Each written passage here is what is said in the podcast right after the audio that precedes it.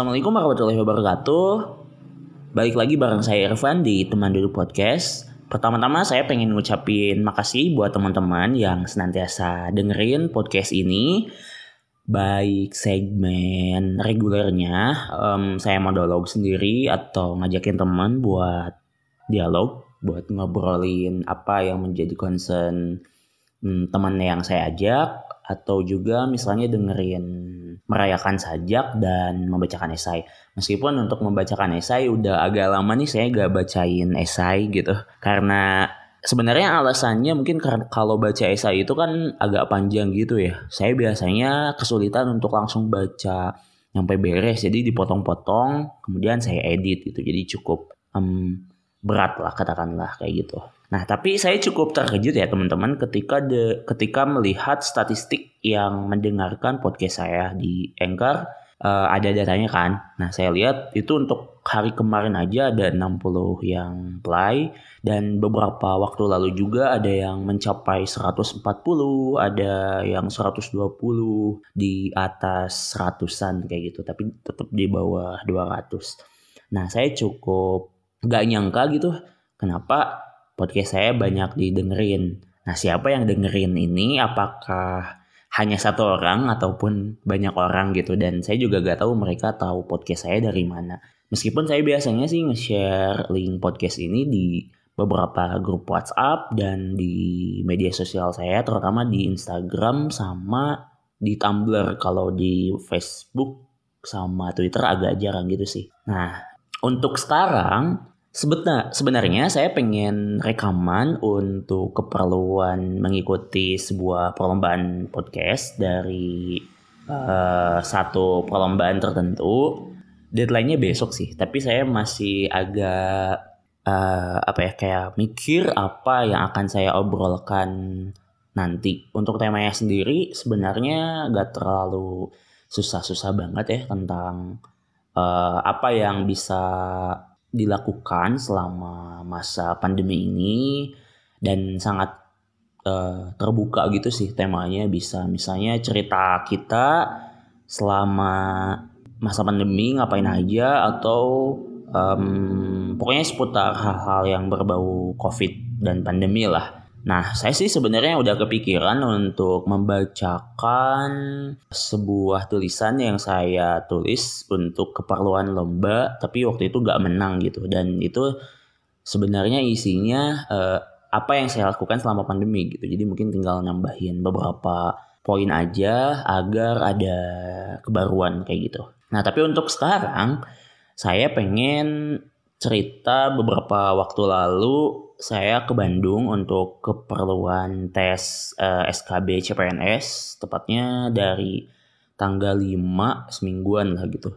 Tanggal 5 itu kan hari tanggal 5 September itu hari Sabtu dan saya pulang ke Tasik lagi tuh hari Minggunya. Eh, hari Sabtu lagi kalau nggak salah. Berarti seminggu tuh. Nah, jadi sebenarnya waktu itu saya kan naik motor tuh dari rumah ke Bandung kemudian berhenti berhenti karena kalau naik motor dan di perjalanan secara umum sebenarnya saya tuh suka kadang ngantuk gitu. Nah kalau misalnya di motor saya berhenti beberapa menit, mungkin sekitar 5 menit atau 7 menit atau 10 menit buat sekadar ngecek HP aja sih, ngecek Instagram, ada notif apa atau ngeliat story bentar-bentar gitu buat ngilangin kantuk saya jarang mampir ke warung-warung gitu buat ngopi sih. Beda mungkin sama teman-teman yang lain. Saya cukup ngelihat HP doang atau tidur-tiduran di masjid atau kalau misalnya emang lagi waktu sholat sih biasanya ya tidur-tiduran bentar gitu. Nah, waktu itu tuh saya tuh spontan kepikiran buat um, kayak ngerekam perjalanan gitu dari Bandung ke Tasik. Eh kebalik. Dari Tasik ke Bandung kayak mungkin sebenarnya konsepannya kayak ngeflow gitu tapi ini dalam bentuk podcast gitu. Jadi saya menceritakan keadaan sekitar apa yang saya temukan um, mungkin dalam obrolan yang memang saya langsung lihat langsung gitu ya momennya itu juga mungkin ada refleksi refleksi tertentu uh, atau gimana gitu. Tapi ternyata rencana dadakan itu tuh nggak terrealisasi. Saya cuma rekaman dua kali gitu waktu itu di Gentong. Untuk yang di Gentong sekitar dua menitan kalau salah. Teman-teman bisa dengerin ini ya. Nah ini. Saya lagi di Jalan Gentong. Eh lagi jalan Gentong. Ya jalan Gentong di rumah makan Gentongnya. Uh, depannya yang ada tulisan rumah makan Gentong. Jadi saya tuh mau ke Bandung. Ini saya ngomongnya di jalan raya banget ya, jadi banyak suara kayak gitu. Nah, saya tuh mau ke Bandung karena besok ada tes SKB CPNS saya tesnya kebagian di sport center Arca Manik uh, saya ini naik motor jadi bisa kapan aja berhenti semau saya. Sebelumnya barusan habis sholat di Masjid Raja Pola dan saya gak langsung berangkat juga karena agak ngantuk jadi ngoprek HP aja dan barusan jadi kepikiran buat kayak rekaman gitu uh, mudah-mudahan ini suaranya jelas. Um, kayak bikin catatan perjalanan tapi ini dalam bentuk podcast gitu. Jadi saya nanti akan berhenti berhenti gitu dan ngelihat sekitar. Ini di depan saya ada dua orang anak-anak yang lagi main sepedahan. Kayaknya asik banget ya. Satu pakai baju orange pakai baju olahraga gitu. Uh, celana panjang terus satu orang lagi pakai baju abu celana pendek. Terus ada bapak-bapak lagi bawa kayak tempat ikan gitu kalau teman-teman tahu yang dari bambu kayak gitu. Terus bentuknya juga um, pendek si apa tinggi tempatnya tuh pendek kayak gitu. Apa ya namanya? Saya juga gak tahu mungkin itu aja untuk laporan. Laporan kali ini saya bakal lanjut lagi perjalanannya. Doain ya semoga selamat. Lalu saya juga sekitar sekitar sekitar setengah enaman tuh berhenti di salah satu rest area gitulah. Atau tempat pemberhentian bis biasanya untuk makan para penumpangnya atau sholat atau buang air kecil ke toilet kayak gitu. Nah, saya juga di sana sempat ngerekam juga mengabarkan kondisi sekitar. Nah, ini kayak gini. Saya berhenti di sebuah tempat yang biasanya berhenti bis bis-bis Budiman gitu buat makan atau ke toilet dan sholat. Saya gak tahu ini namanya daerah mana ya. Pokoknya masih di Garut. Oh Cibatu. Di daerah Cibatu. Saya barusan ke toilet dulu. Dan ini udah menunjukkan pukul 17.36. Bentar lagi maghrib. Barusan sih di perjalanan agak um, lama karena lumayan merayap gitu. Padat merayap padat merayap dan ternyata di paling depannya itu ada tronton gitu. Makanya kendaraan-kendaraan terutama mobil-mobil itu agak susah buat nyalipnya gitu. Harus ada uh, jalan yang lebar lah. Kayak misalnya di lingkar nagreg kayak gitu.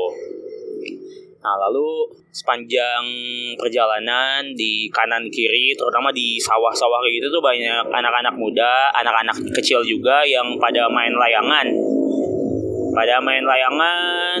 Dan asiknya sih cuaca cuacanya cerah langit biru.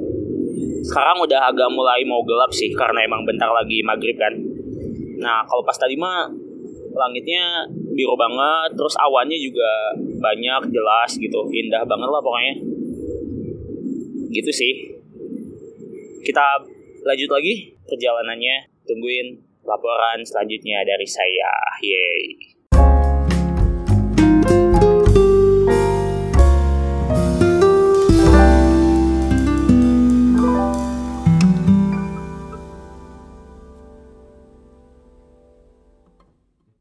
Sebelum saya lanjutkan, ini ada satu komersial break, tapi dari saya sendiri sebenarnya. Jadi saya tuh uh, untuk tanggal 30 September bakal rilis satu kumpulan puisi dalam format digital uh, bentuknya PDF. Uh, itu judul kumpulan puisinya Tamu Bagi Masa Lalu. Ada sekitar 50 puisi di dalamnya. Teman-teman bagi yang berminat untuk membeli dan membacanya, silakan bisa lebih lanjut baca postingan di Instagram saya @irfanilmiah IRFAN ILMYAH untuk harganya sendiri itu 30.000 nanti setelah teman-teman transfer uh, hari Rabu depan tanggal 30 saya langsung kirim. Oh ya untuk sekarang itu lagi masa prapesannya nyampe tanggal 30 tapi kalaupun udah lewat tanggal 30 sebenarnya masih tetap bisa uh, beli kalau teman-teman berminat gitu makasih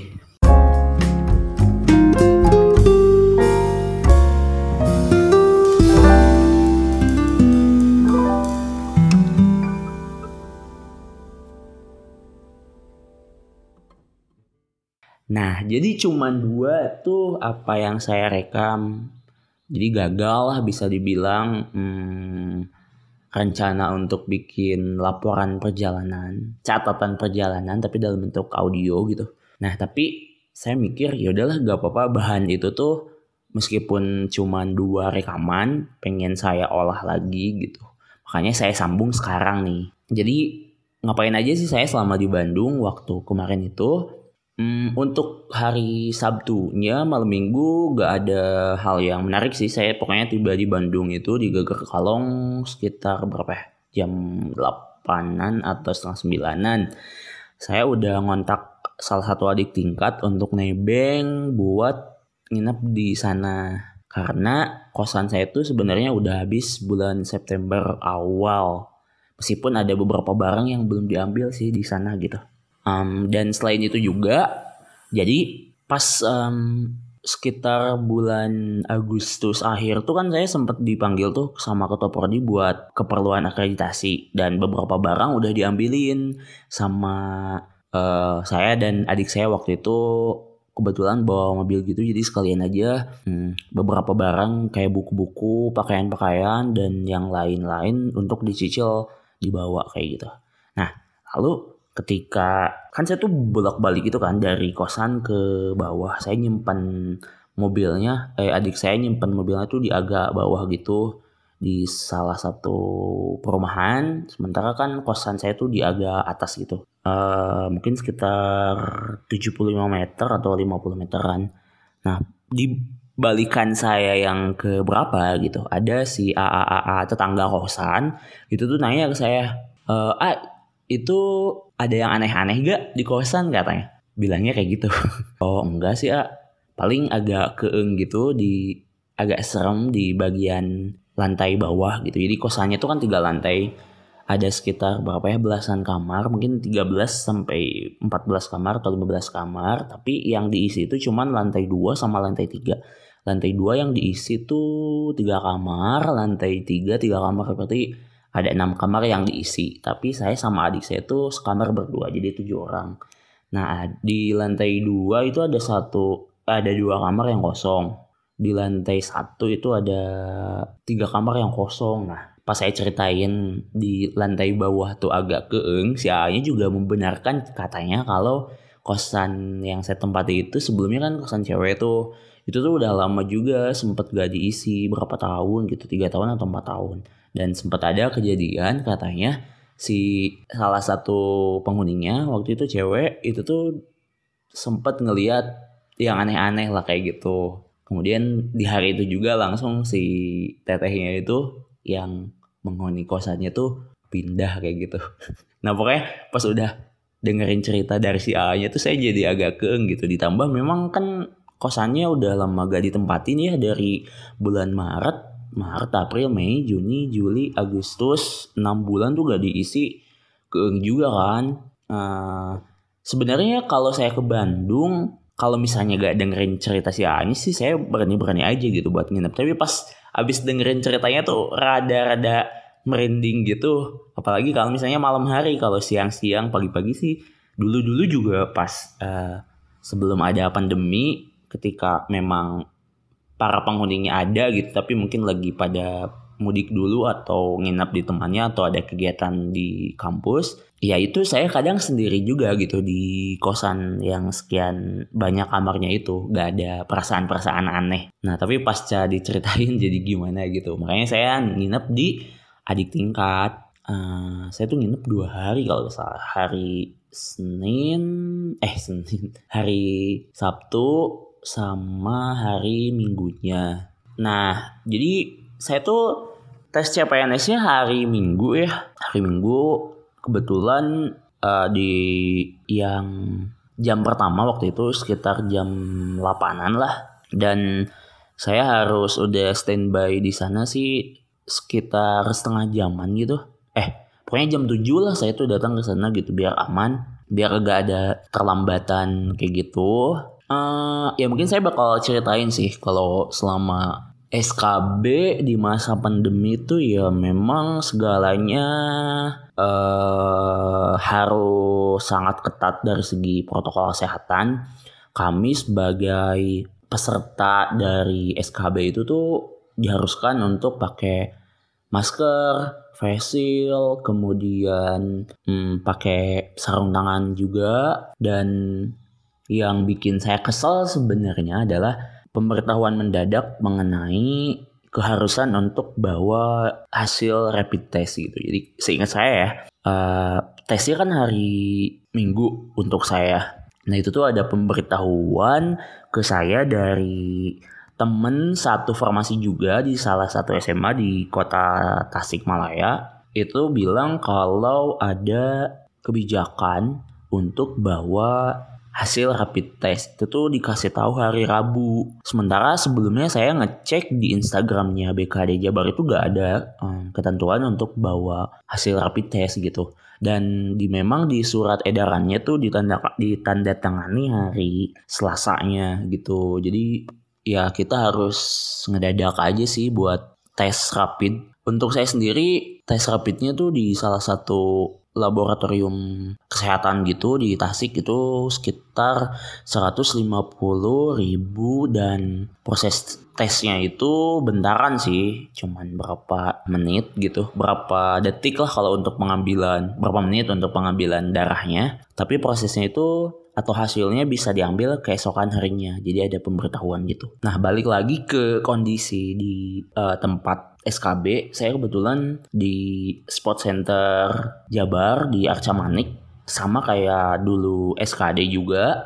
Dan itu tuh suasananya ya memang perbedaan sama yang SKD seperti saya sebutkan tadi kan harus bawa masker dan lain sebagainya bawa hand sanitizer juga. Dan di sana juga disiapin sebenarnya ada kayak tempat-tempat cuci tangan kayak gitu. Dan para peserta eh para petugasnya mengingatkan kita untuk senantiasa jaga jarak kemudian ketika sudah masuk ke area tempat tesnya gitu itu tuh ya kita diminta untuk hanya membawa benda-benda yang disuruh sama panitianya jadi kayak handphone dan barang-barang lain yang gak ada kepentingannya. Dompet itu tuh di ada sih ada penyedi, ada tempat penyimpanan barang kayak gitu. Nah, lalu sebelum masuk untuk memulai tesnya, itu tuh kami diem dulu di kayak ruangan bukan ruangan isolasi sih kayak ruangan steril kayak gitulah uh, penataan kursinya juga bagus gitu. Diupayakan untuk jaga jarak dan ketika kelihatan ada peserta yang maskernya dikebawahin atau facialnya ke atasin itu si petugas langsung menghampiri dan menegurnya gitu. Bahwa selama proses tes bahkan sebelum proses tesnya juga tapi udah di lokasi uh, steril itu ya para peserta diwajibkan untuk memakai maskernya dengan benar dan juga face shieldnya. Dan jangan lupa juga sarung tangannya. Nah lalu Abis itu langsung tes gitu ya, tesnya sekitar 90 menit buat teman-teman yang memang belum tahu atau belum pernah ikutan tes CPNS.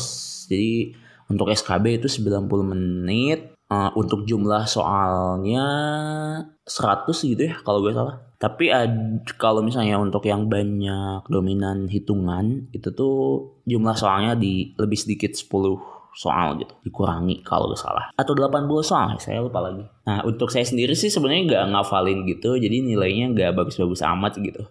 Karena memang pertimbangannya dulu teh pas mau ikutan CPNS saya agak ngeri juga kalau misalnya lolos sementara saya kan lagi tesis tuh agak susah untuk multitasking kayak gitu jadi kalau misalnya lolos ribet kan makanya saya nggak terlalu uh, prepare untuk CPNS-nya sendiri kayak gitu. Tapi kalau teman-teman punya uh, niat untuk ikutan CPNS ya mau gak mau sih ikhtiarnya ya harus dimaksimalin kayak gitu. Selain memang berdoa, minta didoain juga restu sama orang tua, jangan lupa juga untuk ngafalin.